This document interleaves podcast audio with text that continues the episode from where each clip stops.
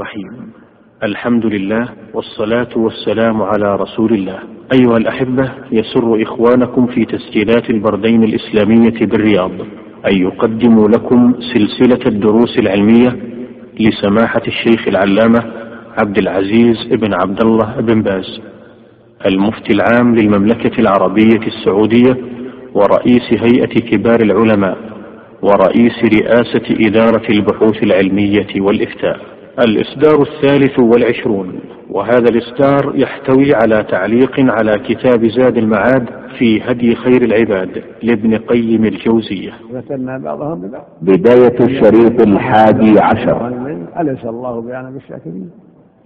قال سبحانه أحسب الناس أن يتركوا أن يقولوا آمنا وهم لا يفتنون ولقد فتنا من قبلهم فلا يعلم الله أن صدقوا ولا يعلم الكاذبين قال جل وعلا أم حسبتم أن تدخلوا الجنة ولما يأتوا مثلا خلوا من قبلكم مستهم البأساء والضراء والزلزل حتى يقول الرسول والذين آمنوا متى نصر الله ألا إن نصر الله قريب. فالله يبتلي عباده الأخيار بالأشرار بأسباب ذنوب الأخيار. وما أصابكم من مصيبة فبما كسبت أيديكم ويعفو عن كثير. ما أصابك من حسنة فمن الله وما أصابك من سيئة فمن نفسك. ليقوم المؤمنون بما يلزم من التفتيش عن عيوبهم والتوبة والإعداد والحذر. ولهذا قال سبحانه وأعدوا لهم. قال يا أيها الذين خذوا حذركم. مع أنه وعدهم النصر. فهم مأمورون بالإعداد وأخذ الحذر والاستقامة والحذر من الذنوب. هكذا. لابد مع الإيمان والثقة بالله لابد من أخذ الأسباب. من إعداد القوة والحذر من الذنوب والاتصال بحبل الله جل وعلا والتعاون بالبر والتقوى والصدق في اللقاء نعم. في حاشية الذي في الصحيح خلاف هذا فقد روى البخاري ومسلم وأبو داود والترمذي وابن ماجه والنسائي وأحمد عن ابن عمر رضي الله عنهما أن رسول الله صلى الله عليه وسلم عرضني يوم أحد وأنا ابن أربع عشرة سنة فلم يجزني وعرضني يوم الخندق وأنا ابن خمس عشرة سنة فأجازني. هذا هو هذا هو المعتمد كما تقدم. المعلم يحكي الخلاف. نعم. مثلا وتعبت قريش للقتال وهم في ثلاثة آلاف. وفيهم مئة فارس فجعلوا على ميمنتهم خالد بن الوليد وعلى الميسرة. هذا أحسن الله إليك. حديث لا يفقه القرآن. لا يفقه من قرأ القرآن في أقل من ثلاث. نعم. طلبتم تخريجا الله أخرجه الإمام أحمد. قال حدثنا وكيع. حدثنا همام عن قتادة عن يزيد بن عبد الله عن عبد الله بن عمرو قال قال رسول الله صلى الله عليه وسلم من قرأ القرآن في أقل من ثلاث لم يفقه. في حاشية الشيخ أحمد شاكر. نعم. إسناده صحيح. يزيد بن عبد الله بن الشخير أبو العلاء العامري تابعي ثقة وثقه ابن سعد والنسائي والأجلي وغيرهم وروى له أصحاب الكتب الستة وترجمه البخاري في الكبير والصغير وابن سعد في الطبقات والذهبي في تاريخ الإسلام وروى عنه البخاري في التاريخين قال أنا أكبر من الحسن بعشر سنين ومطرف أكبر مني ومطرف أكبر مني بعشر سنين يريد أخاه مطرف بن عبد الله بن الشخير والحسن البصري الشخير بالشين والخاء المعجمتين المكسورتين المشددتين. وهذا الحديث أيضا من بعض روايات الحديث المطول. وقد رواه الطيالسي مختصرا هكذا عن همام بهذا الإسناد. وكذلك رواه أبو داود والدارمي والترمذي وابن ماجه. ثلاثتهم من طريق شعبة عن قتادة وقال الترمذي حديث حسن صحيح ورواه أبو داود بأطول من هذا من طريق همام عن قتادة. نعم. ورواه الدارمي في سننه. انتهى أحسن في قتادة بس. فيه عنعنة في عنعنة قتادة. نعم. عن يزيد. لكن ما لقيت طريق آخر. نعم فيه. نعم. لقيت طريق آخر إي معي أحسن نعم. فيه. قال الدارمي في سننه باب في كم يختم القرآن. أخبرنا محمد بن المنهال حدثنا يزيد بن جريع حدثنا شعبة. عن قتادة عن أبي العلاء يزيد بن عبد الله. عن عبد الله بن عمرو قال قال رسول الله صلى الله عليه وسلم لا يفقه من قرأ القرآن في أقل من ثلاث. وقال أبو داود حدثنا في سننه حدثنا محمد بن منهال أخبرنا يزيد بن جريع أخبرنا سعيد عن قتادة عن أبي العلاء يزيد بن عبد الله بن الشخير عن عبد الله يعني بن عمرو قال قال رسول الله صلى الله عليه وسلم لا يفقه من قرأ القرآن في أقل من ثلاث.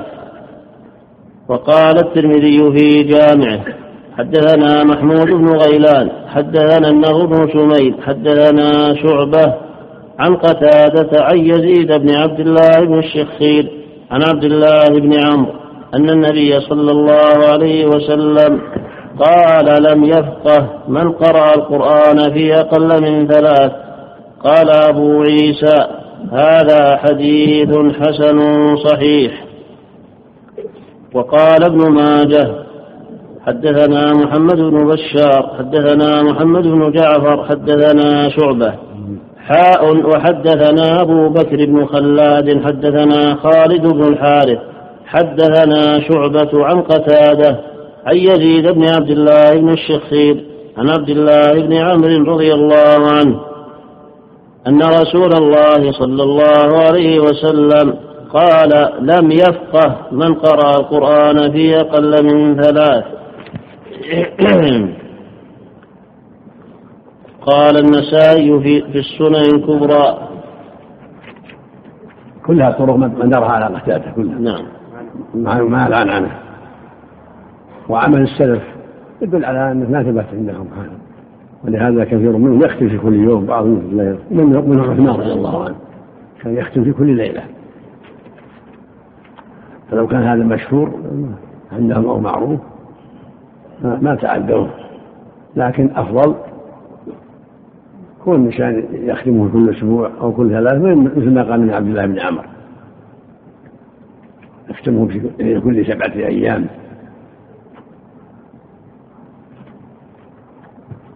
وانتهى بها إلى السبع لأنه أرفق وأكثر وأكثر حصول يعني أكثر اجتماع للقلب وعلى التدبر والتعقل ولهذا كان الصحابة يفعلون هذا. كانوا يختمون في كل أسبوع. يحزمون القرآن ثلاثا وخمسا وسبعا وتسعا وإحدى عشرة وثلاثة عشرة ويحزمون فصل واحد يعني سبعة أيام كل سبعة أيام ختمة. هذا فيه رفق بالقارئ وفيه عون على التدبر والتعقل وحفظ الوقت وأن لا يضيق على نفسه الأوقات قد يكون هناك حاجة لأهل البيت ولغير هذا من الحاجات. نعم. ما ذكره ابن رجب في اللطائف من أنه في غير رمضان ثلاثة أيام وفي رمضان كل يوم. نحتاج دليل يعني نحتاج دليل ان صح الخبر يكون الأفضل أن يقول عند ثلاث أما ان يصح فالأمر واسع. لكن يكون عنده تدبر وعدم يعني تساهل في سرعة القراءة.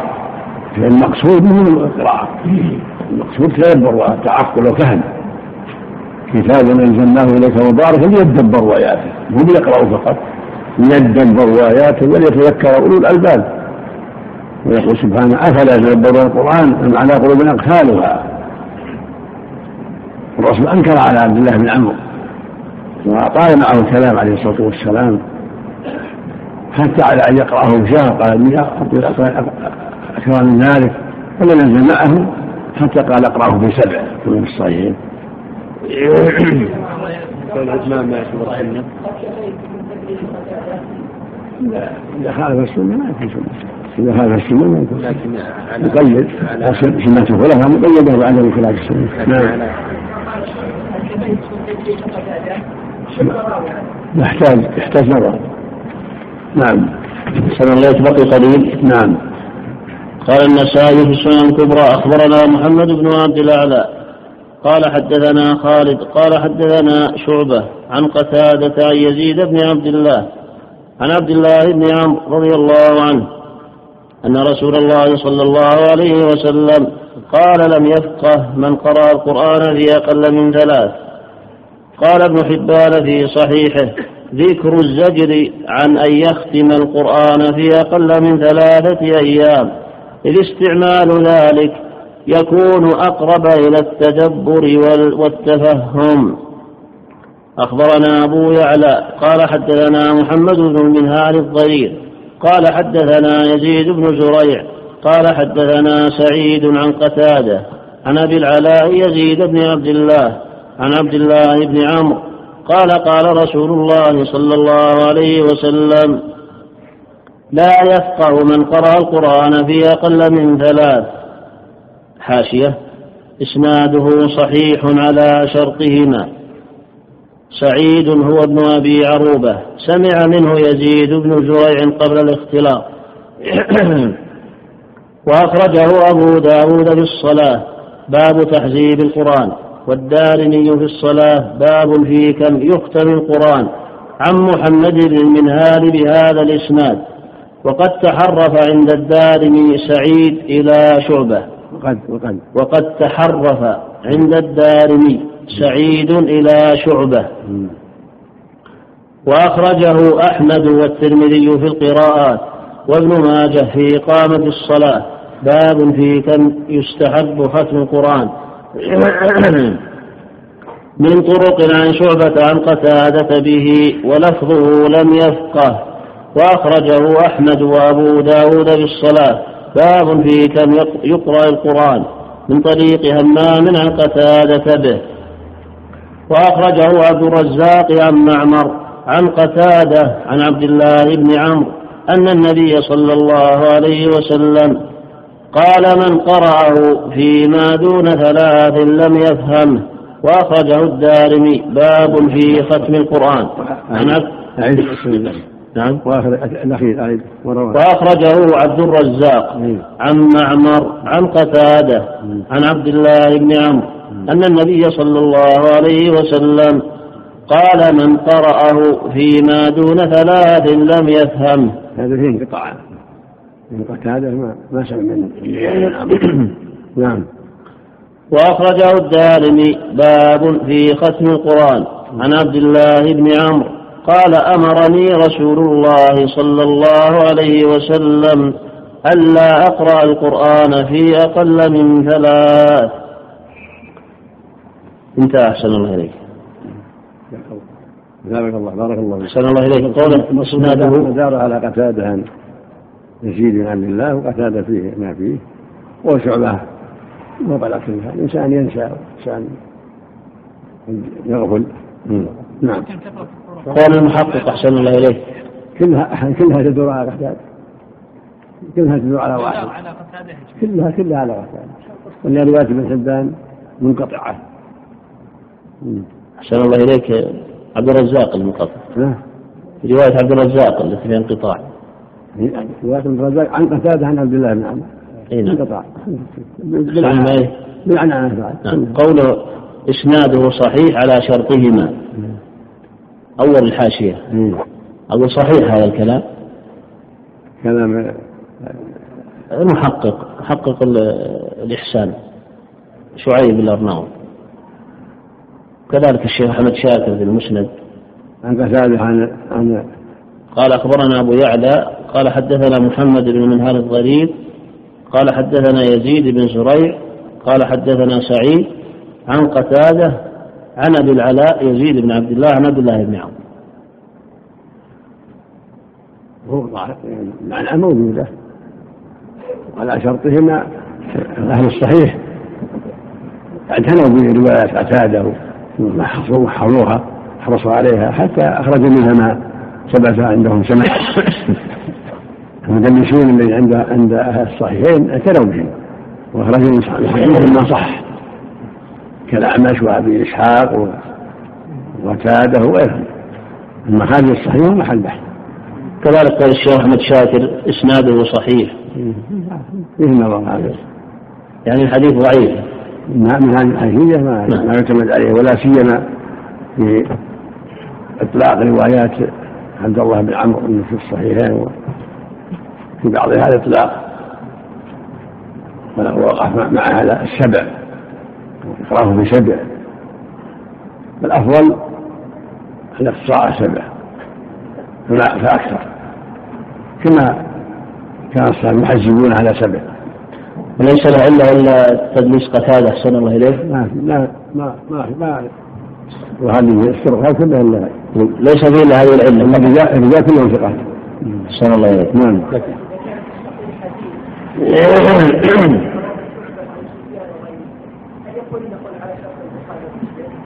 الصحيحين لا لا هم الصحيحين يعتنون بأحاديث المدلسين. ولا يلحق خارج الصحيح ما كان في الصحيح. نعم. لكن أحسن لك من منع النبي صلى الله عليه وسلم. عبد الله بن نعم. أقول منع النبي صلى الله عليه وسلم عبد الله بن عمرو من الزياده على كان في يقتضي ما هو اضيق من الثلاث. ها؟ يقتضي ما هو اضيق من الثلاث. نعم. أحسن الله إليك. فيه وتحذيب الصحابة للقرآن كذلك. يقول على أنهم بلغهم شيء عن نبيهم في هذا. يقول ابن رجب احسن الله اليك. إنما ورد النهي عن قراءة القرآن في أقل من ثلاث على المداومه على ذلك فأما في الأوقات المفضلة كشهر رمضان خصوصا الليالي التي يطلب فيها ليلة القدر أو في الأماكن المفضلة كمكة لمن دخلها من غير أهلها فيستحب الإكثار فيها من تلاوة القرآن اغتناما للزمان والمكان وهو قول أحمد وإسحاق وغيرهما من الأئمة وعليه يدل عمل غيرهم. هذا اجتهاد. اجتهاد اجتهاد من المؤلف ومن قال بقوله. نعم أقول اجتهاد. سلمك الله. اذا إذا ترون جواز ختمة في في يوم واحد في ليلة واحدة ولكن الافضل عدم ذلك الأفضلية. والله اللي ينبغي إنه لا لا لا يفعل. بأمور كثيرة منها الحديث هو أهم. لا يفقه. من قرأ في أقل من ثلاث. ومنها أنه يفضي إلى العجلة وعدم التدبر وعدم التعقل. قد يفضي إلى المنافسة والرياء. يكون الإنسان يركض في القراءة ويطمئن ويتدبر ويقرأه في سبع هذا أقرب إلى حصول المطلوب. فإن كان ولا بد فإلى ثلاث وعشان منع القراءة في أقل من ثلاث. نعم. منع القراءة في أقل من ثلاث. حجة هذا الحديث. نعم. لكن ما في وجه للإنكار حجة هذا الحديث وعن أنس قتادة في الغالب أنها سليمة ولا سيما إذا روى عن شعبة. هذا وجه. نعم. وتعبت قريش للقتال وهم في ثلاثة آلاف وفيهم مئتا فارس فجعلوا على ميمنتهم خالد بن الوليد وعلى الميسرة عكرمة بن أبي جهل ودفع رسول الله صلى الله عليه وسلم سيفه إلى أبي دجانة سماك بن خرشة وكان شجاعا بطلا يختال عند الحرب. وكان أول من بدر من المشركين أبو عامر الفاسق واسمه عبد عمرو بن صيفي وكان يسمى الراهب فسماه رسول الله صلى الله عليه وسلم الفاسق. وكان رأس الأوس في الجاهلية فلما جاء الإسلام شرق به وجاهر رسول الله صلى الله عليه وسلم بالعداوة. فخرج من المدينة وذهب إلى قريش يؤلبهم على رسول الله صلى الله عليه وسلم ويحضهم على قتاله. ووعدهم بأن قومه إذا رأوا أطاعوه ومالوا معه فكان أول من لقي المسلمين. فنادى قومه وتعرف إليهم فقالوا له لا أنعم الله بك عينا يا فاسق. فقال لقد أصاب قومي بعدي شر ثم قاتل المسلمين قتالا شديدا. وكان شعار المسلمين يومئذ أمت وأبلى يومئذ أبو دجانة الأنصاري وطلحة بن عبيد الله. وأسد الله وأسد رسوله حمزة بن عبد المطلب وعلي وأبي طالب وأنس بن النضر وسعد بن الربيع رضي الله عنهم.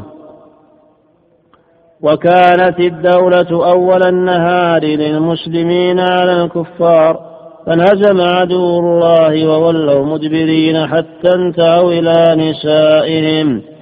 فلما رأى الرماة هزيمتهم تركوا مركزهم الذي أمرهم رسول الله صلى الله عليه وسلم بحفظه. وقالوا يا قوم الغنيمة فذكرهم أميرهم عهد رسول الله صلى الله عليه وسلم.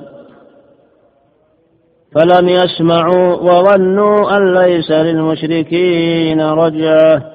فذهبوا في طلب الغنيمة وأخلوا الثغر وكر فرسان المشركين فوجدوا الثغر خاليا قد خلا من الرماة فجازوا منه وتمكنوا حتى أقبل آخرهم فأحاطوا بالمسلمين فأكرم الله من أكرم منهم بالشهادة وهم سبعون.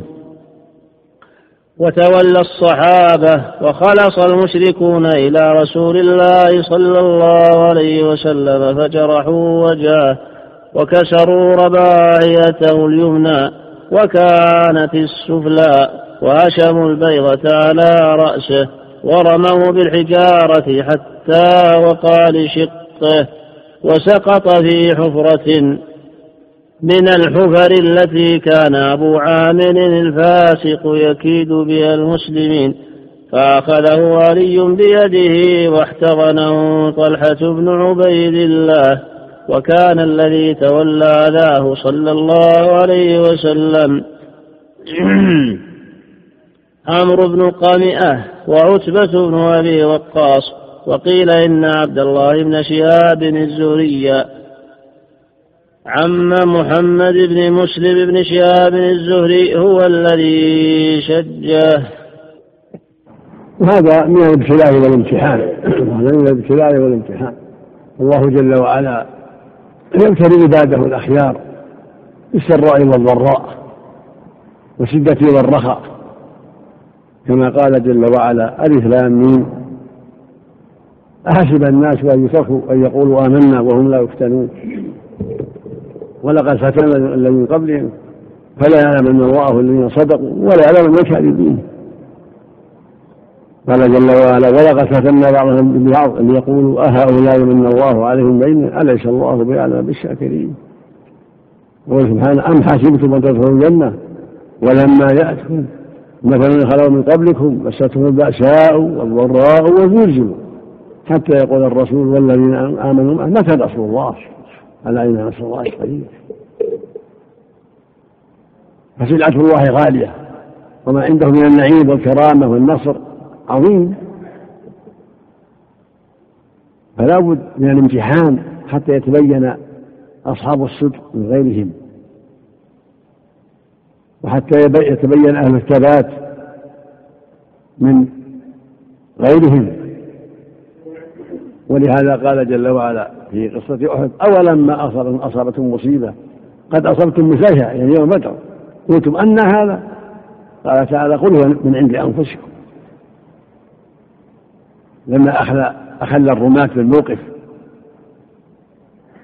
وانهزم المسلمون من العدو لما أحاطوا بهم. صارت صارت كارثة. وقد انهزم المشركون الأول. انهزم المشركون الأول. وصارت الدائرة عليهم.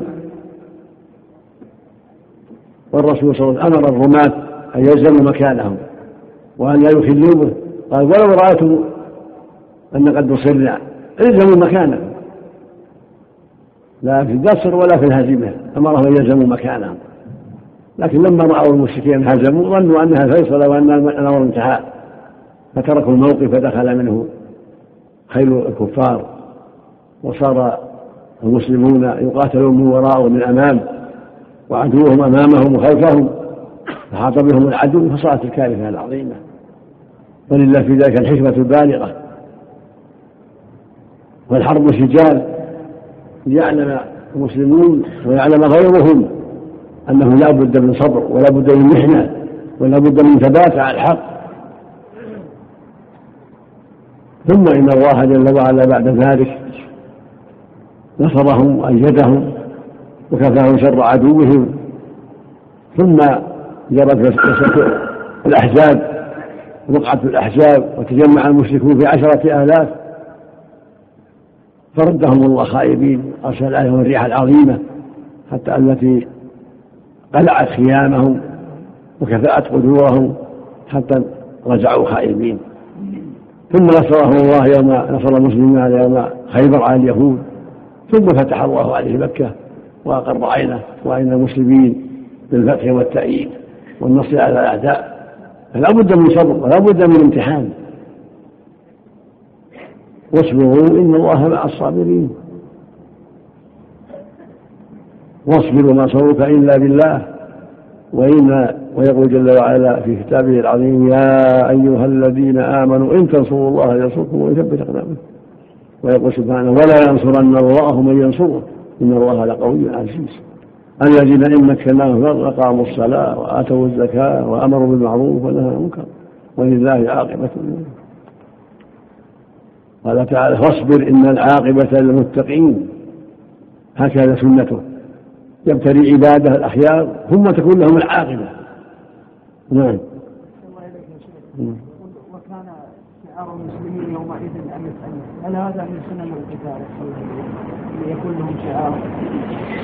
ظاهر ظاهر السنة أنها لا بد شعار حتى يتعارفون به. حتى إذا دنا منه عدوهم يعرف عدوه من صديقه بالشعار الذي استمروا عليه. نعم.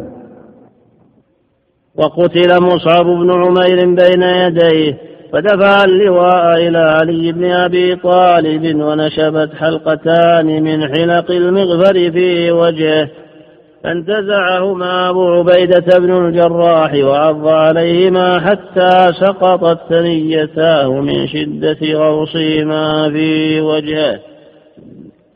وامتص مالك بن سنان والد أبي سعيد الخدري رضي الله عنهما الدم من وجنته وأدركه المشركون يريدون ما الله حائل بينهم وبينه.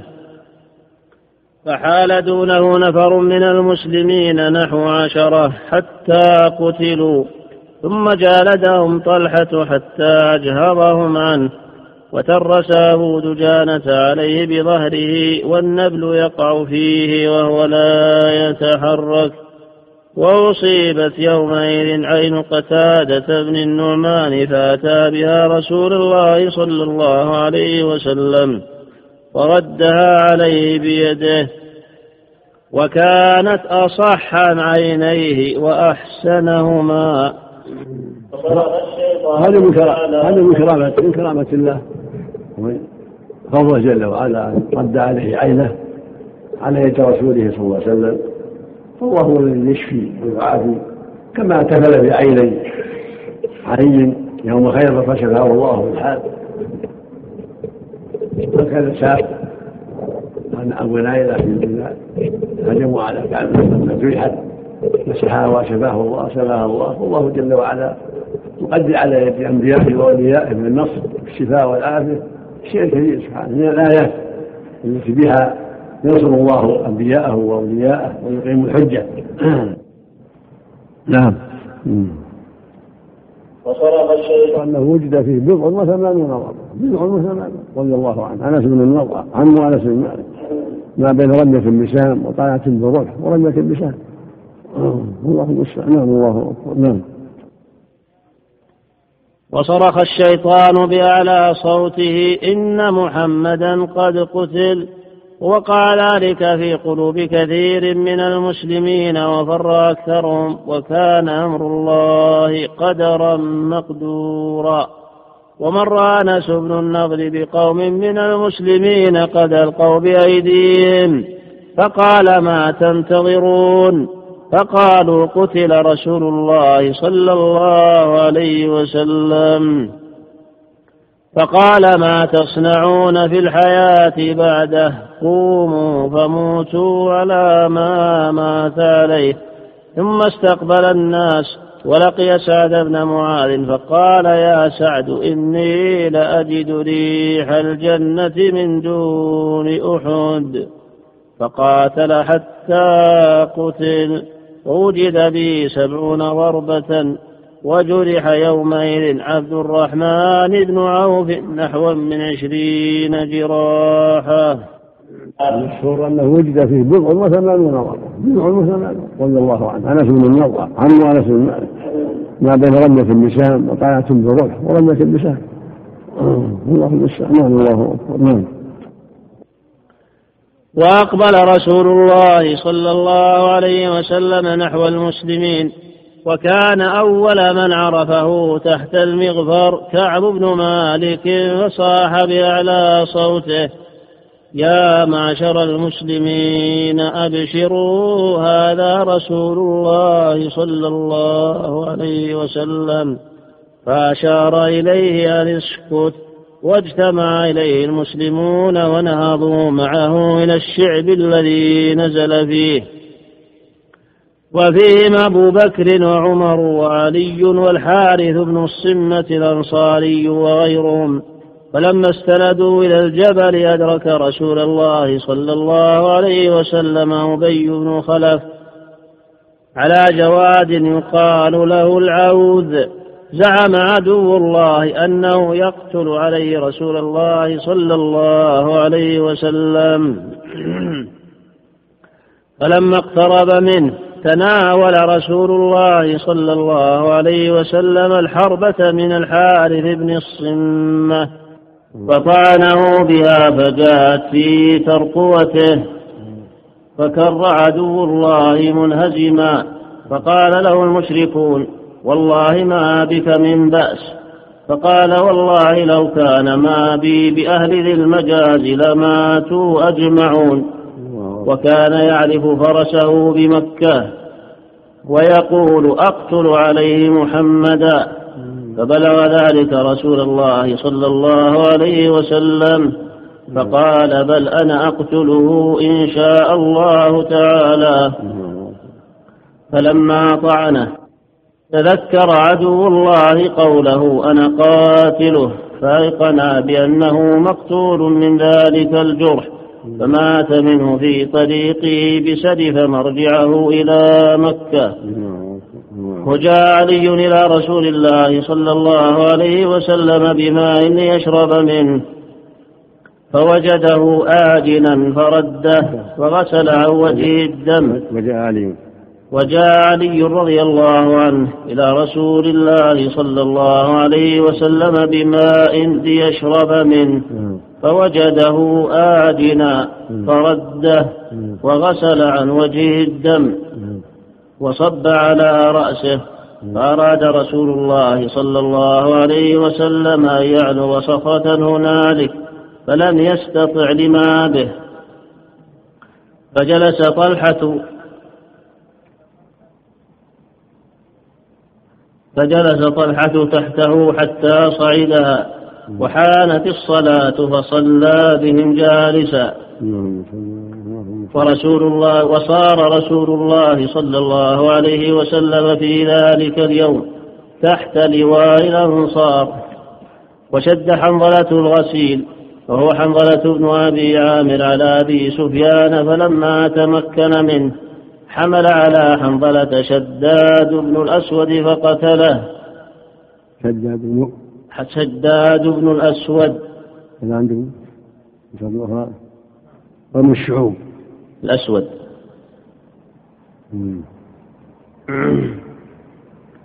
نعم. نعم. نعم. وكان جوبا فإنه سمع الصيحة وهو على امرأته فقام من فوره إلى الجهاد. فأخبر رسول الله صلى الله عليه وسلم أصحابه أن الملائكة تغسله. اللهم اللهم ثم قال سلوا أهله ما شأنه. فسألوا امرأته فأخبرتهم الخبر وجعل الفقهاء هذا حجة حجة أن الشهيد إذا قتل جنبا يغسل اقتداء بالملائكة. يعني إن حنظلة بن أبي عامر رضي الله عنه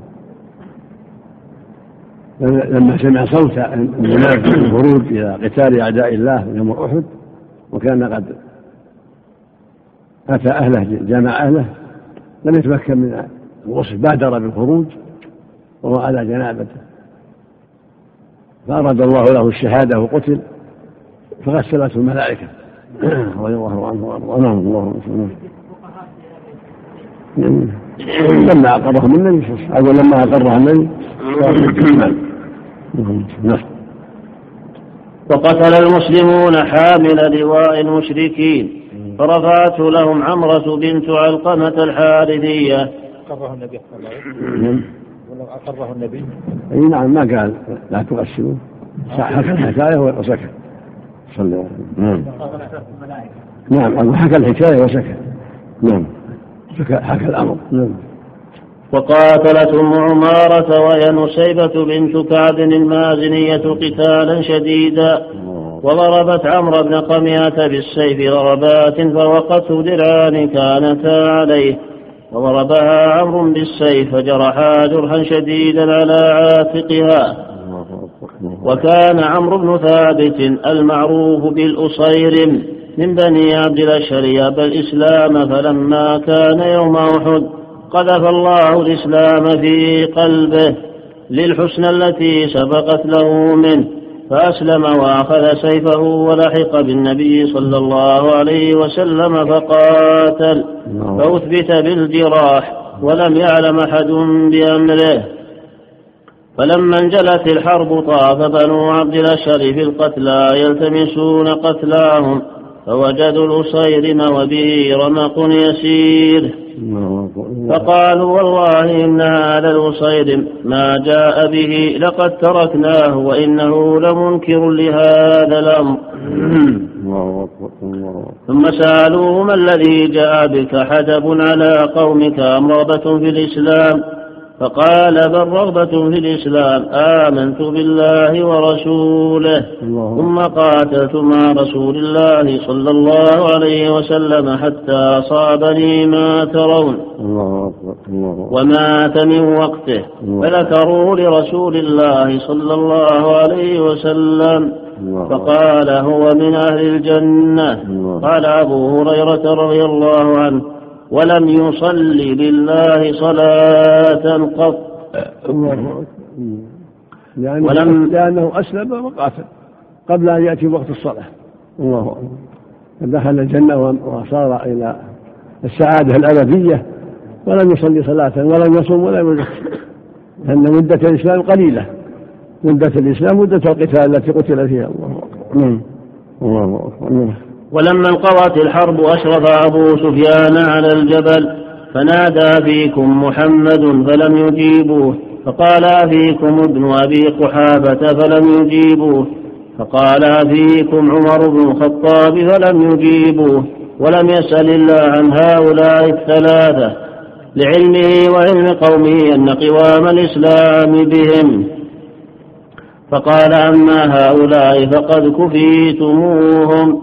فلم يملك عمر نفسه أن قال يا عدو الله إن الذين ذكرتهم أحياء وقد أبقى الله لك ما يسوءك. فقال قد كان في القوم مثلة لم آمر بها ولم تسؤني ثم قال اعل هبل فقال النبي صلى الله عليه وسلم ألا تجيبونه؟ فقالوا ما نقول.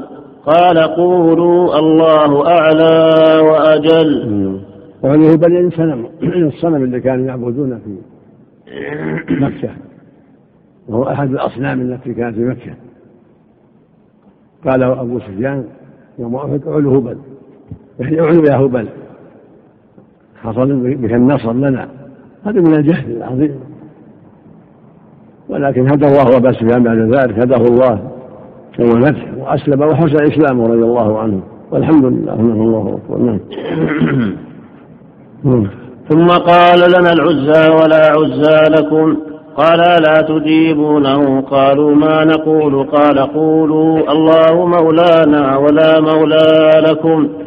فأمرهم بجوابه عند افتخاره بآلهته وبشركه تعظيما للتوحيد. وإعلاما بعزة من عبده المسلمون وقوة جانبه وأنه لا يغلب. ونحن حزبه وجنده ولم يأمرهم بإجابته حين قال أفيكم محمد أفيكم ابن أبي قحافة أفيكم عمر. بل قد روي بل قد روي أنه نهاهم عن إجابته وقال لا تجيبوه لأن لأن كلمهم لم يكن برد بعد في طلب القوم. ونار لأن, لأن كلمهم لم يكن برد بعد في طلب القوم. كلمهم بالميم نعم. ونار غيظهم بعد متوقدة. فلما قال لأصحابه أما هؤلاء فقد كفيتموهم. حمي عمر بن الخطاب واشتد غضبه. وقال كذبت يا عدو الله. فكان في هذا الإعلام من الإذلال والشجاعة وعدم الجبن والتعرف إلى العدو في تلك الحال ما يؤذنهم بقوة القوم وبسالتهم وأنهم لم يهنوا ولم يضعفوا وأنه وقومه جديرون بعدم الخوف منهم وقد أبقى الله لهم ما يسوءهم منهم. وكان في الإعلام ببقاء هؤلاء الثلاثة وهله بعد وهلة بعد ظن بعد ظنه وظن قومه أنهم قد أصيبوا أنهم قد أصيبوا من المصلحة وغيظ العدو وحزبه والفت في عضده ما ليس في جوابه حين سأل عنهم واحدا واحدا. فكان سؤاله عنهم ونعيهم لقومه آخر سهام العدو وكيده فصبر له النبي صلى الله عليه وسلم حتى استوفى كيده. ثم انتدب له عمر رضي الله عنه فرد سهام كيده عليه. وكان ترك الجواب أولا عليه أحسن وذكره ثانيا أحسن. وأيضا فإن في ترك إجابته حين سأل عنهم. إهانة له وتصغيرا لشأنه فلما منته نفسه موتهم وظن أنهم قد قتلوا وحصل له بذلك من الكبر والأشر ما حصل. كان في جوابه إهانة له وتحقير وإذلال. ولم يكن هذا مخالفا لقول النبي صلى الله عليه وسلم لا تجيبوه فإنه إنما نهى عن إجابته حين سأل فيكم محمد نبيكم فلان نبيكم فلان. ولم ينهى عن إجابته حين قال أما هؤلاء فقد قتلوا وبكل حال فلا أحسن من ترك إجابته أولا. ولا أحسن من إجابته ثانيا. ثم قال أبو سفيان يوم بيوم بدر والحرب سجال. فأجابه عمر رضي الله عنه. قول المؤلف رحمه الله لما قال حمي وقال كذبت يا عدو الله. قال فكان في هذا من في هذا الإعلام من الإذلال والشجاعة. الإذلال هنا للكفار أم الإذلال؟ للكفار. الإذلال للكفار. إذلال المسلمين الشجاعة للمسلمين والإذلال لأعداء الله. نعم.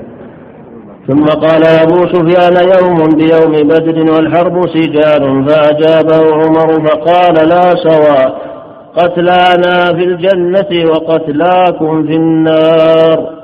وقال ابن عباس رضي الله عنهما ما نصر رسول الله صلى الله عليه وسلم في موطن نصره يوم أحد. فأنكر عليه فأنكر ذلك عليه. فقال بيني وبين من ينكر كتاب الله إن الله يقول ولقد صدقكم الله وعده إذ تحسونهم بإذنه. قال ابن عباس والحس القتل. ولقد كان لرسول الله صلى الله عليه وسلم ولأصحابه أول النهار حتى قتل من أصحاب المشركين سبعة أو تسعة وذكر الحديث وأنزل الله عليهم النعاس أمانة منه في غزاة بدر وأحد والنعاس في الحرب وعند الخوف دليل على الأمن وهو من الله. وفي الصلاة ومجالس الذكر والعلم من الشيطان. وقاتلت الملائكة يوم أحد عن رسول الله صلى الله عليه وسلم. كيف على وقاتلت الملائكة؟ المقصود أن الله يبتلي عباده بالسراء والضراء. فلا بد من الصبر. أم حسبتم أن تدخلوا الجنة. ولما يأتكم مثل خلوا من قبلكم مستهم البأساء والضراء والزلزال حتى يقول الرسول والذين آمنوا نصر الله لا بد من الصبر. يبتلي هؤلاء بهؤلاء وهؤلاء بهؤلاء. ثم صارت العاقبة لأولياء ونصرهم الله من الزرع وفيها وفي قصة أحد أيضا دلالة على أن العباد ليس النصر بأيديهم. ولو كانت فيهم الرسل الرسول وغير الرسول النصر بيد الله ليس بيد غيره كما قال جل وعلا وما النصر إلا من عند الله.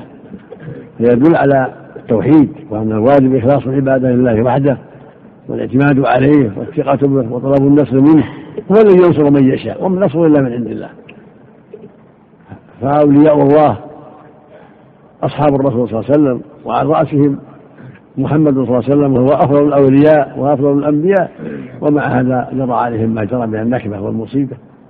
هذا يدل على أن العبادة حق الله وحده وأن العباد لا ينصرون أنفسهم ولا يخلصون أنفسهم من عدوهم إلا بنصر الله إلا بتأييد الله كما جرى يوم وجه. انتهى الوجه الأول. فضلا اقلب الشريط لمتابعة ما تبقى على الوجه الثاني. دعت الحاجة إليهم ووجدوا مضر على المسلمين وساعدوهم لا بأس. عند وجود المضر على المسلمين. لكن ما ما كان يقاتلون مع المسلمين. انما هي لما رأت ما رأت من الشر على المسلمين وتمكنت من بعض النصر ساعدت. وإلا فالنساء ليس عليهن جهاد. إنما الجهاد أمر الرجال. إذا دعت الحاجة إذا وقعت حاجة وتمكنت امرأة من قتل العدو أو التاثير عليه أو التخريب عليه فعلها لا ما يجوز. هذا ما يجوز. هذا ممنوع. هذا ممنوع. نعم. نعم الله يرعاك تسكيت النبي صلى الله عليه وسلم لكعب بن مالك. نعم. تسكيت النبي صلى الله عليه وسلم لكعب. خوفا من اذا سمعوا من هذا محمد يفروا هذا عليه. وقاتلت الملائكة يوم أحد عن رسول الله صلى الله عليه وسلم وفي الصحيحين عن سعد بن أبي وقاص رضي الله عنه. قال رأيت رسول الله صلى الله عليه وسلم يوم أحد ومعه رجلان يقاتلان عنه. عليهما ثياب بيض كأشد القتال ما رأيتهما قبل ولا بعد. وفي صحيح مسلم أنه صلى الله عليه وسلم أفرد يوم أحد في سبعة من الأنصار ورجلين من قريش فلما رهقوه قال من يردهم عنا وله الجنة؟ أو هو رفيقي في الجنة فتقدم رجل من الأنصار فقاتل حتى قتل. ثم رهقوه فقال من يردهم عنا وله الجنة أو هو رفيقي في الجنة؟ فتقدم رجل من الأنصار فقاتل حتى قتل فلم يزل كذلك حتى قتل السباه فقال رسول الله صلى الله عليه وسلم ما أنصفنا أصحابنا؟ وهذا يروى على وجهين بسكون الفاء ونصب أصحابنا على المفعولية. بسكون الفاء ونصب أصحابنا على المفعولية وفتح الفاء وفتح الفاء رفع أصحابنا على الفاعلية. وراء وراء. بدون أحسن برفع الفاء ورفع نعم هنا ساقط الواو نعم صالح ورفع أصحابنا على الفاعلية. ووجه النصب أن الأنصار لما خرجوا للقتال واحدا بعد واحد حتى قتلوا ولم يخرج القرشيان. قال ذلك أي ما أنصفت قريش الأنصار ووجه الرفع أن يكون المراد بالأصحاب الذين فروا عن رسول الله صلى الله عليه وسلم. حتى أفرد في النفر القليل فقتلوا واحدا بعد واحد فلم ينصفوا رسول الله صلى الله عليه وسلم ومن ثبت معه. وفي صحيح ابن حبان عن عائشة رضي الله عنها قالت قال أبو بكر الصديق رضي الله عنه لما كان يوم أحد انصرف الناس كلهم عن النبي صلى الله عليه وسلم. فكنت أول من فاء إلى النبي صلى الله عليه وسلم. وروائه وفي صحيح ابن حبان عن عائشة رضي الله عنها قالت قال أبو بكر الصديق رضي الله عنه لما كان يوم أحد انصرف الناس كلهم عن النبي صلى الله عليه وسلم. لأنها المصيبة اندفل الناس لا يدري بعضهم على بعض. صاروا عدوا أمانهم وجاء العدو من خلفهم مع محل الرماة الذي حل به الرماة. وصر المسلمون بين الأعداء. بما أمامهم أعداء وخلفهم أعداء فبها انجفل الناس وعظم الأمر وشد الشرط الله أكبر. نعم. فكنت أول من فاء إلى النبي صلى الله عليه وسلم فرأيت بين يديه رجلا يقاتل عنه ويحميه. قلت كن أبا طلحة فداك أبي وأمي كن أبا كن طلحة فداك أبي وأمي كن طلحة فداك أبي وأمي. فلما انشب أدركني أبو عبيدة بن الجراح وإذا هو يشتد كأنه طير حتى لحقني. فدفعنا إلى النبي صلى الله عليه وسلم فإذا طلحة بين يديه صبيا فقال النبي صلى الله عليه وسلم دونكم أخاكم فقد أوجب. وقد رمي النبي صلى الله عليه وسلم في جبينه وروي في وجنته حتى غابت حلقة من حلق المغفر في وجنته. فذهبت لأنزعها عن النبي صلى الله عليه وسلم فقال أبو عبيدة رضي الله عنه نشدتك بالله يا أبا بكر إلا تركتني قال فأخذ أبو عبيدة رضي الله عنه السهم بفيه فجعل ينظنظه كراهة أن يؤذي رسول الله صلى الله عليه وسلم ثم استل السهم بفيه فندرت ثنية أبي عبيدة رضي الله عنه قال أبو بكر رضي الله عنه ثم ذهبت لآخذ الآخر. فقال أبو عبيدة نشدتك بالله يا أبا بكر إلا تركتني. قال فأخذه فجعل ينغنغه حتى استله فندرت ثنية أبي عبيدة الأخرى. ثم قال رسول الله صلى الله عليه وسلم دونكم أخاكم فقد أوجب. قال فأقبلنا على طلحة نعالجه وقد أصابته بضعة عشر ضربة. في الحاشية ولكنه سلم الله وعاش. حتى قاتل يوم الجمل الله أكبر. نعم. في الحاشية أحسن الله عليك. نعم. أخرجه ابن حبان وأبو داود الطيالسي وفي سنده إسحاق بن يحيى بن طلحة. بن عبيد الله التيمي وهو متفق على ضعفه وصححه الحاكم وتعقب وتعقبه الذهبي بقوله إسحاق متروك وأورده الهيثمي في المجمع ونسبه للبزار وقال وفيه إسحاق بن يحيى بن طلحة وهو متروك نعم. انتهى المقصود أنه اصيب في يده حصل كلا أما كونه سقط وأن النبي أنه أوجب وأنه هذا محل غلط الحال. نعم وفي مغازي الأموي أن المشركين صعدوا على الجبل فقال رسول الله صلى الله عليه وسلم لسعد اجنبهم يقول ارددهم. فقال كيف أجنبهم وحدي؟ فقال ذلك ثلاثا فأخذ سعد سهما من كنانته فرمى به رجلا فقتله. قال ثم أخذت سهمي أعرفه فرميت به آخر فقتلته ثم أخذته أعرفه فرميت به آخر فقتلته.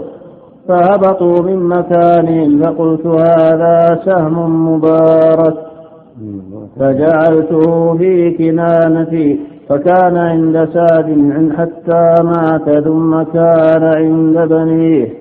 وفي الصحيحين عن أبي حازم انه سئل عن جرح رسول الله صلى الله عليه وسلم فقال والله إني لاعرف من كان يغسل جرح رسول الله صلى الله عليه وسلم ومن كان يسكب الماء وبما دوي كانت فاطمة رضي الله عنها ابنته تغسله وعلي بن أبي طالب رضي الله عنه يسكب الماء بالمجن فلما رأت فاطمة أن الماء لا يزيد الدم إلا كثرة أخذت قطعة من حصير فأحرقتها فألصقتها فاستمسك الدم. وفي الصحيح أنه كسرت رباعيته وشد في رأسه فجعل يسلت الدم عنه. ويقول كيف يفلح قوم شدوا وجه نبيهم وكسروا رباعيته وهو يدعوهم. فأنزل الله عز وجل هو يدعوهم إلى الله ما عندك ما في ما عندكم نعم. نعم. يعني إلى الله نعم. فأنزل الله عز وجل ليس لك من الأمر شيء أو يتوب عليهم أو يعذبهم فإنهم ظالمون. ولما نزم الناس لم ينهزم أنس بن النضر وقال اللهم إني أعتذر إليك مما صنع هؤلاء يعني المسلمين وأبرأ إليك مما صنع هؤلاء يعني المشركين ثم تقدم. فلقيه سعد بن معاذ فقال أين يا أبا عمر? فقال أنس وهل لريح الجنة يا سعد. إني أجده دون أحد. ثم مضى. فقاتل القوم حتى قتل. فما عرف حتى عرفته أخته ببنانه وبه بضع وثمانون ما بين طانة برمح. ما بين طعنة برمح وضربة بسيف ورمية بسهم. ونزم المشركون أول النهار كما تقدم فصرخ فيهم إبليس أي عباد الله أخزاكم الله فارجعوا فارجعوا من الهزيمة فاجتلدوا. ونظر حذيفة إلى أبيه والمسلمون يريدون قتله. وهم يظنونه من المشركين فقال أي عباد الله أبي؟ فلم يفهموا قوله حتى قتلوه فقال يغفر الله لكم. فأراد رسول الله صلى الله عليه وسلم أن يديه فقال قد تصدقت بيد بديتي على المسلمين. فزاد ذلك حذيفة خيرا عند النبي صلى الله عليه وسلم. وقال زيد بن ثابت رضي الله عنه بعثني رسول الله صلى الله عليه وسلم يوم أحد أطلب سعد الربيع فقال لي إن رأيته فأقرئه مني السلام وقل له. يقول لك رسول الله كيف تجدك قال فجعلت أطوف بين القتلى فأتيته وهو بآخر رمق وفيه سبعون ضربة ما بين طعنة برمح وضربة بسيف ورمية بسهم. فقلت يا سعد إن رسول الله صلى الله عليه وسلم يقرأ عليك السلام ويقول لك أخبرني كيف تجد فقال وعلى رسول الله صلى الله عليه وسلم السلام قل له يا رسول الله أجد ريح الجنة. وقل لقوم الأنصار لا عذر لكم عند الله إن خلص إلى رسول الله صلى الله عليه وسلم. وفيكم عين تطرف وفاضت نفسه من وقته. اللهم ومر رجل من المهاجرين برجل من الأنصار وهو يتشحط في دمه فقال يا فلان أشعرت أن محمدا قد قتل؟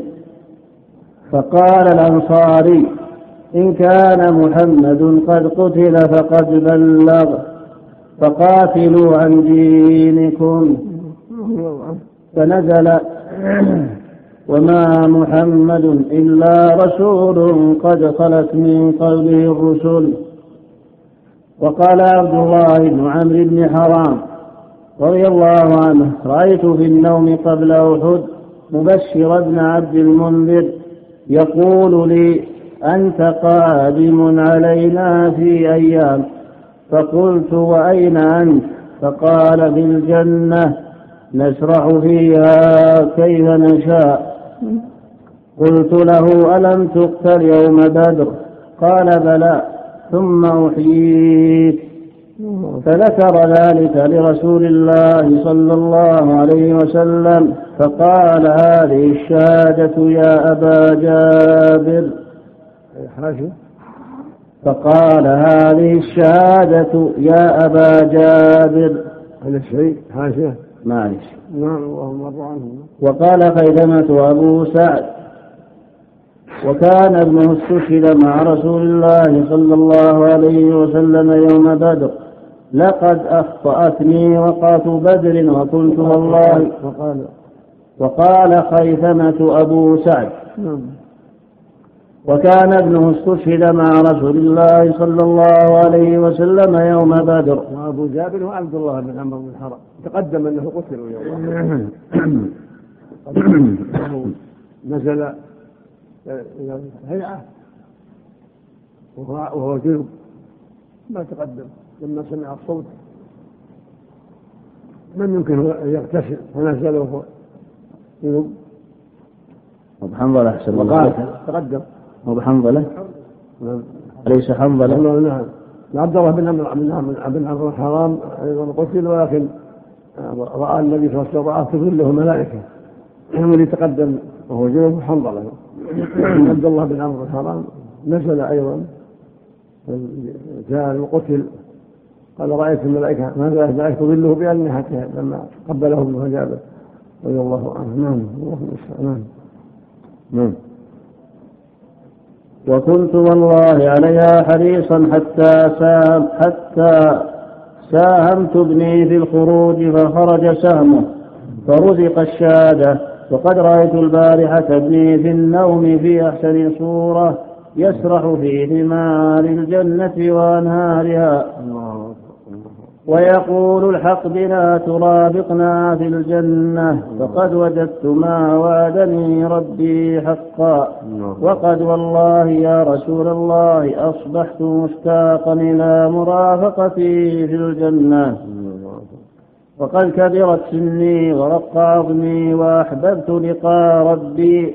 فادعوا الله يا رسول الله أن يرزقني الشهادة ومرافقة سعد في الجنة. فدعا له رسول الله صلى الله عليه وسلم بذلك فقتل بأحد شهيدا. وقال عبد الله بن جحش رضي الله عنه في ذلك اليوم اللهم إني أقسم عليك أن ألقى العدو غدا فيقتلوني ثم يبقر بطني ويجدع أنفي وأذني ثم تسألني. فيم ذلك فأقول فيك. حاشية أخرجه الحاكم من طريق سعيد بن المسيب قال قال عبد الله بن جحش. وقال صحيح على شرط الشيخين لولا إرسال فيه ووافقه الذهبي وله شواهد. وانتهى. وكان عمرو بن الجموح أعرج شديد العرج. وكان له أربعة بنين شباب يغزون مع رسول الله صلى الله عليه وسلم إلى غزاء فلما توجه إلى أحد أراد أن يتوجه معه. فقال له بنو وكان عمرو بن الجموح أعرج شديد العرج وكان له أربعة بنين شباب. لا البخاري هذا. نعم. اللهم مر عنهم اللهم مر عنهم. نعم اللهم مر عنهم. اللهم نعم.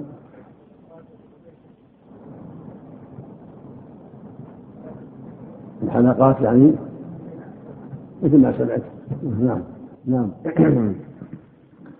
قال الإمام ابن القيم رحمه الله تعالى وكان عمرو بن الجموح أعرج شديد العرج وكان له أربعة بنين شباب يغزون مع رسول الله صلى الله عليه وسلم إذا غزا. فلما توجه إلى أحد أراد أن يتوجه معه فقال له بنوه فقال له بنوه إن الله قد جعل لك رخصة فلو قعدت ونحن نكفيك. وقد وضع الله عنك الجهاد.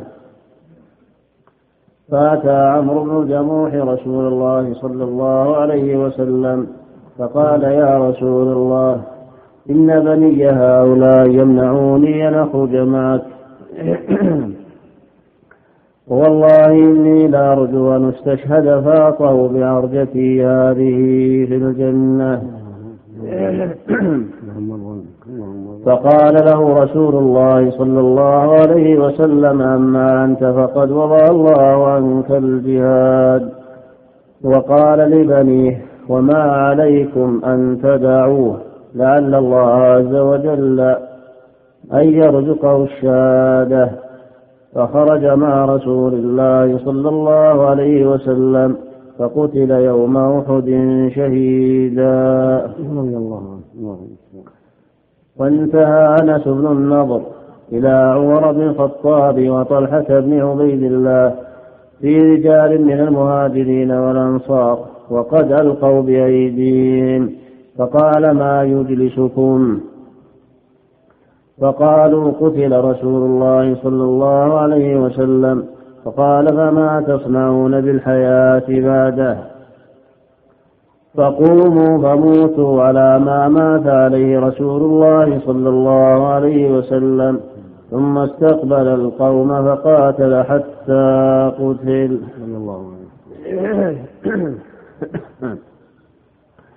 وأقبل أبي بن خلف عدو الله وهو مقنع بالحديد, بالحديد يقول لا نجوت إن نجا محمد. وكان حلف بمكة أن يقتل رسول الله صلى الله عليه وسلم فاستقبله مصعب بن عمير رضي الله عنه. لأن المسلمين قتلوا أخاه أمية. له علي بن أمية. أخاه وابن أخيه. ولكن الله أراد أن يقتله معهم أيضا. نعم الله نعم. فقتل مصعب وأبصر رسول الله صلى الله عليه وسلم فقوة أبي بن خلف من فرجة بين سابغة الدرع والبيضة فطعنه بحربته فوقع من فرسه فاحتمله أصحابه وهو يخور خوار الثور فقالوا ما أجزاك إنما هو خدش. فذكر لهم قول النبي صلى الله عليه وسلم بل أنا أقتله إن شاء الله تعالى فمات برابغ. قال ابن عمر رضي الله عنهما إني لا أسير. يعرفون صدقه عليه الصلاة والسلام وأمانته فلما بلغ أنه يقول أنا أنا قاتله عرف أن هذه خشية سوف يكون فيها موت الله المستعان الله أكبر قال ابن عمر رضي الله عنهما إني لا أسير ببطن رابغ بعد هوي من الليل إذا نار تأجج لي. قال ابن عمر نعم. رضي الله عنهما إني لا أسير ببطن رابغ بعد هوي من الليل إذا نار تأجج لي فيممتها. وإذا رجل يخرج منها في سلسلة يجتلبها يصيح العطش وإذا رجل يقول لا تسقه هذا قتيل رسول الله صلى الله عليه وسلم هذا أبي بن خلف. وقال نافع بن جبير سمعت رجلا من المهاجرين يقول شهدت أحدا فنظرت إلى النبل يأتي من كل ناحية. ورسول الله صلى الله عليه وسلم وسطها كل ذلك يصرف عنه. ولقد رأيت عبد الله بن شهاب الزهري يقول يومئذ دلوني على محمد لا نجوت إن نجا. ورسول الله صلى الله عليه وسلم إلى جنبه ما معه أحد ثم جاوزه. فعاتبه في ذلك صفوان فقال والله ما رأيته أحلف بالله إنه منا ممنوع. فخرجنا أربعة فتعاهدنا وتعاقدنا على قتله فلم نخلص إلى ذلك. قد حمى نبيه.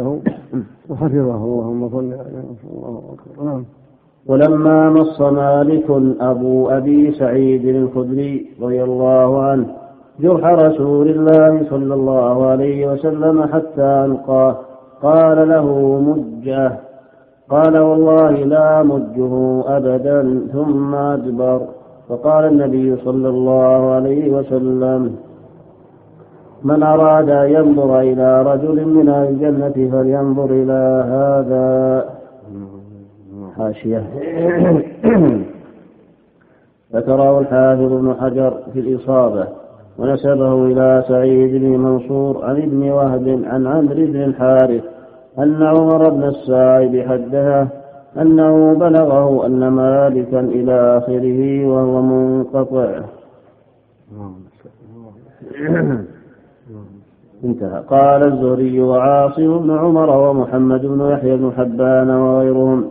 كان يوم أحد يوم بلاء وتنفيس. اختبر الله عز وجل به المؤمنين وأظهر به المنافقين. ممن كان يظهر الإسلام بلسانه وهو مستخف بالكفر. فأكرم الله فيه. والامتحان الله أولما أصابتكم مصيبة قد أصبتم مثلها قلتم أن هذا قل هو من عند والله جل وعلا يبتلي عباده الأخيار بالأشرار في بعض الأحيان ثم تكون العاقبة لأولياء الله. ولا يصاب المسلمون إلا بأشياء مما أسلفوا وقدموا وفعلوا. الله المستعان فأكرم الله فيه من أراد كرامته بالشهادة من أهل ولايته وكان مما نزل من القرآن في يوم أحد ستون آية من آل عمران. أولها وإذ غدوت من أهلك تبوئ المؤمنين مقاعد للقتال إلى آخر القصة. فصل فيما اشتملت عليه هذه الغزاة من الأحكام والفقه منها أن الجهاد يلزم بالشروع فيه حتى إن من لبس لأمته وشرع في أسبابه وتأهب للخروج ليس له أن يرجع عن الخروج حتى يقاتل عدوه. أحسن الله هذا سبيل اللزوم والوجوب أو الاستحباب الأولوية. محل في حق النبي صلى الله عليه وسلم. وما ينبغي للنبي عليه السلام أن يرجع عن ذلك حتى يقاتل عدوه. لكن هل يكون هذا للأمة كلها أو هذا للنبي خاصة كما يقال ما كان نبيا. فالأقرب والله أعلم النظر في المصلحة والعاقبة. فإن كانوا مثل العدو أو العدو مثلهم فليس لهم الرجوع والفرار وإن كان العدو أكثر من المثلين كما في سورة الأنفال فلهم الرجوع إذا رأوا مصلحة نعم. يقول أحسن الله ما كان لنبي ما قال ما كان لمؤمن نعم النبي هذا يخص النبي يدل على أنه يعني خاص به. هذا هذا هو الأقرب. نعم لأن الله فصل الأمر في أحد الأنفال بعث الله بعض المهاجرين والأنصار اللي ألقوا بأيديهم عليهم حكم نعم. بعض المهاجرين والأنصار. اللي ألقوا بأيديهم وجلسوا. هذا محل نظر يحتاج إلى ثبوته فإن ثبت هذا لأنه ما رأوا ما رأوا قتالا. يعني لو ثبت هذا أنهم لم يروا قتالا بسبب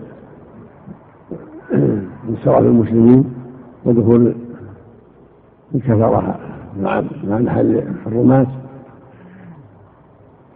وأن القتال حينئذ غير ممكن لأن العدو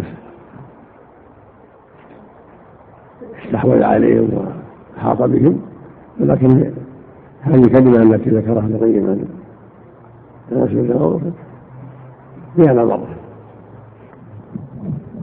الظاهر والله أعلم إنما هو أنهم انصرفوا اندفلوا وانهزموا مثل ما قال جل وعلا.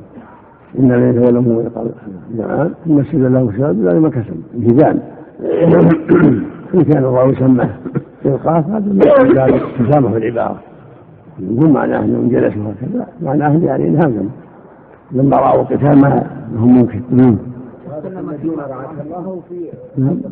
نعم. ليس ما هو ليس بجيوش إنما هو مثل ما قال الله. تولوا لما راوا الدائره عليهم بالهم بسبب استحلال الكفار. ارادوا النجاة. ارادوا بهذا النجاة من أن يلقوا بأيديهم من السماء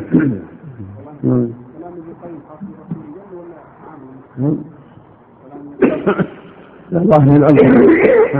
ظاهر العموم لكن ليس ليس بظاهر من جهة المعنى.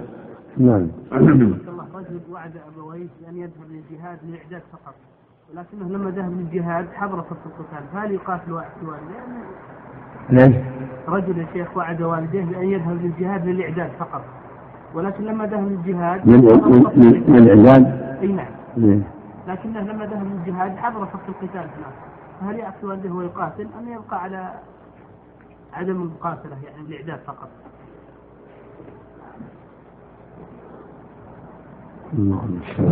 هذا في له ففي هناك جاهل الذي يستأذنهما لكن يظهر والله أعلم أنه لما حضر و ودعا في حاجة إلى قتاله واهله يلزمه القتال يساعد إخوانه لما حضر. فإن من حضر صف القتال وجب عليه يقاتل وليس له الا لحنسه جل وعلا لا يؤمن بالزكاه ولا تقول له اكبر إذا لقى عدوه فليس له أن يوقع لأن هذا معناه إضعاف للمسلمين وخذلان لهم. وطاعة الله مقدمة في هذه الحالة. لما أما لو كان قطع الوالدين أول فهل يخرج لكن هذا هو الواجب. لكن لما حضر القتال والناس في حاجة إليه المقصود أنه في مثل هذه الحال يلزمه يدخل العموم إذا لقي فلا تولوا الأكبر. نعم. الذي يفجر نفسه في الوقت الحاضر. فهل إذا مات يكون شهيد أم ماذا؟ النجار أنه ليس بشهيد وأنه قاتل نفسه. ما يجوز أن يفجر نفسه يقتل نفسه. لأن الله جل وعلا نهى عن هذا قال لا تقتلوا أنفسكم. النبي صلى الله عليه وسلم قال من قتل نفسه بشيء عذب به يوم القيامة.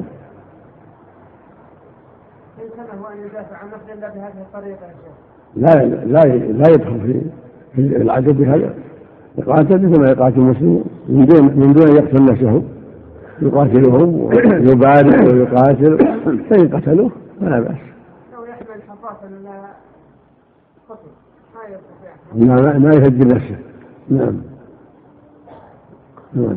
ومنها أنه لا يجب على المسلمين إذا طرقهم عدو في ديارهم الخروج إليه بل يجوز لهم أن يلزموا ديارهم ويقاتلوهم فيها إذا كان ذلك أنصر لهم على عدوهم كما أشار به رسول الله صلى الله عليه وسلم عليهم يوم أحد ومنها جواز سلوك الإمام بالعسكر في بعض أملاك رعيته إذا صادف ذلك طريقه وإن لم يرضى المالك ومنها أنه لا يأذن لمن لا يطيق القتال من الصبيان غير البالغين بل يردهم إذا خرجوا. كما رد كما رد رسول الله صلى الله عليه وسلم ابن عمر رضي الله عنهما ومن معه. ومنها جواز الغزو بالنساء والاستعانة بهن في الجهاد. ومنها جواز الانغماس في العدو. كما انغمس انس بن النضر وغيره ومنها أن الإمام إذا اصابته جراحه صلى بهم قاعدا وصلوا وراءه قعودا كما فعل رسول الله صلى الله عليه وسلم في هذه الغزوة واستمرت على ذلك سنته إلى حين وفاته. صلى بالدم السادس اللهم صل نعم. من قال سلمك الله ان الانغماس في العدو يعتبر من الانتحار. هذا ليس من الانتحار. هذا من الشجاعة والإقدام والقوة وإرهاب العدو مثل ما فعل الزبير وغير الزبير مرات في الجهاد مثل ما خرج المبارزين علي وحمزة وعبيدة مبارزة العدو لكن لا يقتل نفسه بسيفه ولا بخنجره ولا قنبلته. قول صلوا وراءه قعودا. هذه السنة. ورد في مرض انه صلى قاعدا هذا وهذا لكن قعود افضل. قال صلوا قعودا نعم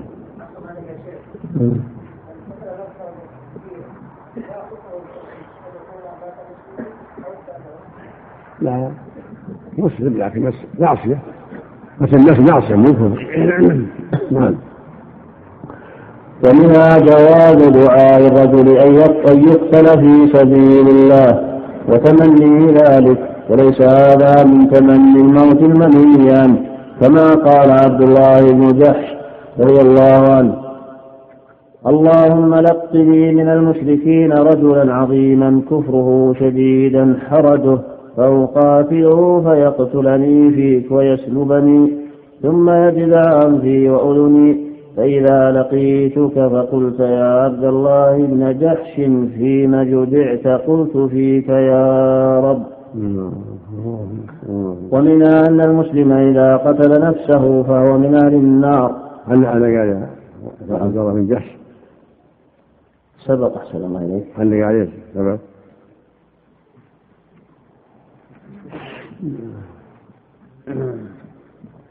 نعم. أخرجه الحاكم من طريق سعيد بن المسيب. قال قال عبد الله بن جحش وقال صحيح على شرط الشيخين لولا إرسال فيه. ووافقه الذهبي وله شواهد.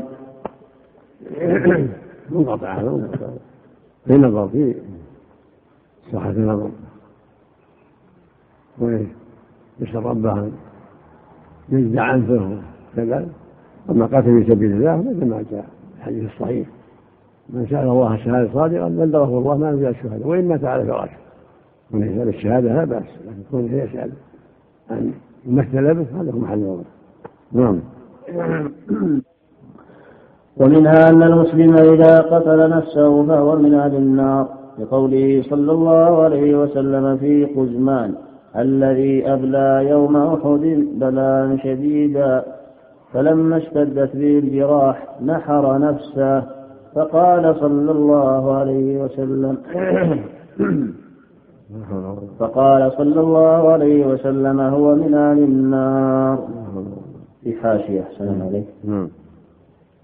أخرجه ابن هشام عن ابن إسحاق قال وحدثني عاصم بن عمر بن قتادة قال كان فينا رجل أتى غريب لا يدرى ممن هو. يقال له خزمان. وكان رسول الله صلى الله عليه وسلم إذا ذكر له إنه لمن أهل النار. قال فلما كان وكان رسول الله صلى الله عليه وسلم يقول إذا ذكر له إنه لمن أهل النار. قال فلما كان يوم أحد قاتل قتالا شديدا. فقتل وحده ثمانية أو سبعة من المشركين وكان لا بأس. فأثبتته جراحة فاحتمل فاحتمل إلى دار بني ظفر. قال فجعل رجال من المسلمين يقولون له والله لقد أبليت اليوم يا قزمان فأبشر. قال بماذا أبشر؟ فوالله إن قاتلت إلا على أحساب قومي ولولا ذلك ما قاتلت. قال فلما اشتدت عليه جراحته أخذ سهما من كنانته فقتل به نفسه. ورجاله ثقات لكنه مرسل. وروى البخاري في المغازي باب غزوة خيبر وفي القدر. باب العمل بالخواتيم. ومسلم من حديث سال بن سال الساعدي رضي الله عنه. أن رسول الله صلى الله عليه وسلم التقى هو والمشركون فاقتتلوا. فلما مال رسول الله صلى الله عليه وسلم إلى عسكره ومال الآخرون إلى عسكرهم وفي أصحاب رسول الله صلى الله عليه وسلم رجل لا يدع لهم شاذة إلا اتبعها يضربها بسيفه. فقالوا ما أجزى منا أحد كما أجزى فلان. فقال رسول الله صلى الله عليه وسلم أما إنه من أهل النار؟ فقال رجل من القوم أنا صاحبه أبدا؟ قال فخرج معه كلما وقف وقف معه. وإذا أسرى أسرى معه قال فجرح الرجل جرحا شديدا فاستعجل الموت فوضع نصل سيفه بالأرض وذبابه بين ثدييه ثم تحامل على سيفه فقتل نفسه.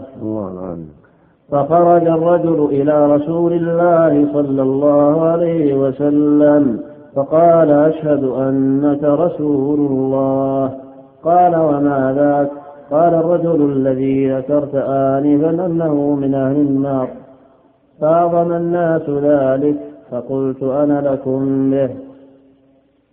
فخرجت في طلبه حتى جرح جرحا شديدا فاستعجل الموت فوضع نصل سيفه بالأرض وذبابه بين ثدييه ثم تحامل عليه فقتل نفسه. فقال رسول الله صلى الله عليه وسلم عند ذلك إن الرجل ليعمل عمل أهل الجنة فيما يبدو للناس وهو من أهل النار. وإن الرجل ليعمل عمل أهل النار فيما يبدو للناس وهو من أهل الجنة. هذا واقع. مثل هذا الرجل وغيره. قد يعمل يعمل أهل الجنة وله نية سيئة مثل هذا عندما قاتل عن حساب قومه ما قاتل لله ثم قتل نفسه. قد أخبر عنه النبي فإنه من أهل النار لأن قد جاء الوحي بهذا. قد أخبر الله نبيه بذلك. فالقتال إذا لم يكن عن إخلاص لله وعن صدق ما يضر أهله يكون أهله قاتلوا لأنفسهم ولأهوالهم. وهكذا الرجل قد يقاتل رياء وسمعة قد يقاتل لمقاصد أخرى ثم يمن الله عليه بالهداية والتوبة فيقاتل عن إخلاص وصدق فيدخل الجنة. نعم.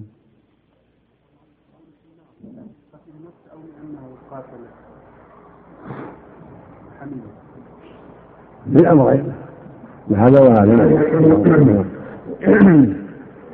كما في الروايات الصحيحة لأنه قتل نفسه.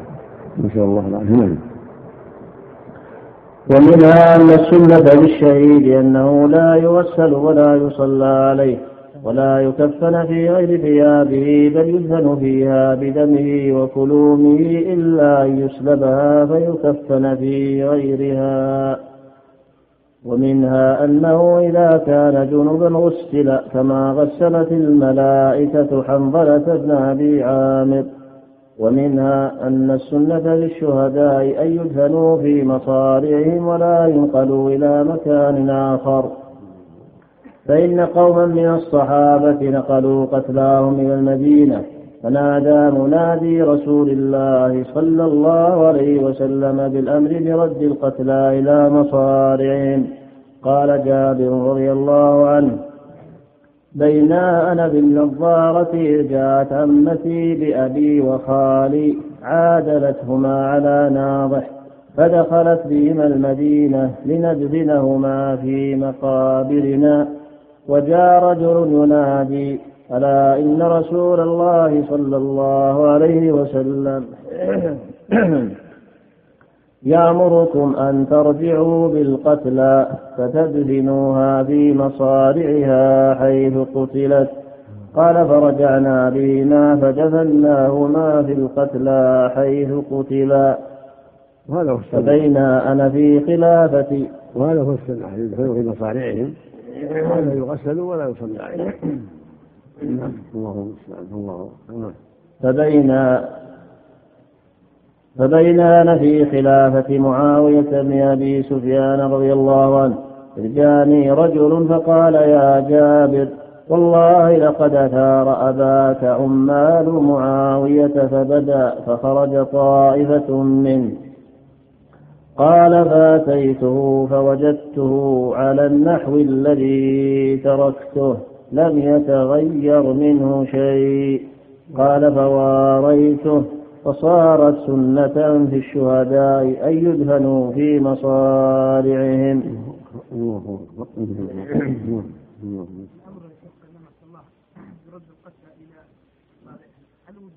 هذا هذا هو الأصل الأصل في الامر الوجوب والنهي ينتهي. هذا هو الأصل. نعم. ومنها جواز دفن الرجلين أو الثلاثة في القبر الواحد. فإن رسول الله صلى الله عليه وسلم كان يدفن الرجلين والثلاثة في القبر ويقول أيهم أكثر أخذا للقرآن. فإذا شاروا إلى رجل قدمه في اللحم ودفن عبد الله بن عمرو بن حرام وعمر بن الجموح في قبر واحد. ودفن عبد الله بن عمرو بن حرام. وعمر نعم. وعمر بن الجموح في قبر واحد لما كان بينهما من المحبة فقال ادفنوا هذين المتحابين في الدنيا في قبر واحد. الحاشية أخرجه ابن هشام عن ابن إسحاق. قال حدثني أبي إسحاق بن يسار. عن أشياخ من بني سلمة أن رسول الله صلى الله عليه وسلم قال يومئذ حين أمر بدفن القتلى انظروا إلى عمرو بن الجموح وعبد الله بن عمرو بن حرام فإنهما كانا متصافيين في الدنيا فاجعلوهما في قبر واحد وأخرج أحمد بسند حسن كما قال الحافظ. كما كما قال الحافظ في الفتح عن أبي قتادة أتى عمرو بن جموح إلى رسول الله صلى الله عليه وسلم فقال يا رسول الله أرأيت إن قاتلت في سبيل الله حتى أقتل؟ أمشي برجلي هذه صحيحة في نهاية الشريط الحادي عشر. فقال رسول لم تنتهي مادة هذا الشريط بعد. نأمل متابعة ما تبقى على الشريط التالي. فقتلوا يوم أحد هو وابن أخيه ومولى لهم. وسعدت بصحبتكم تسجيلات البردين الإسلامية. الرياض الدائر الجنوبي مخرج 24 شارع الترمذي. والسلام عليكم ورحمة الله وبركاته.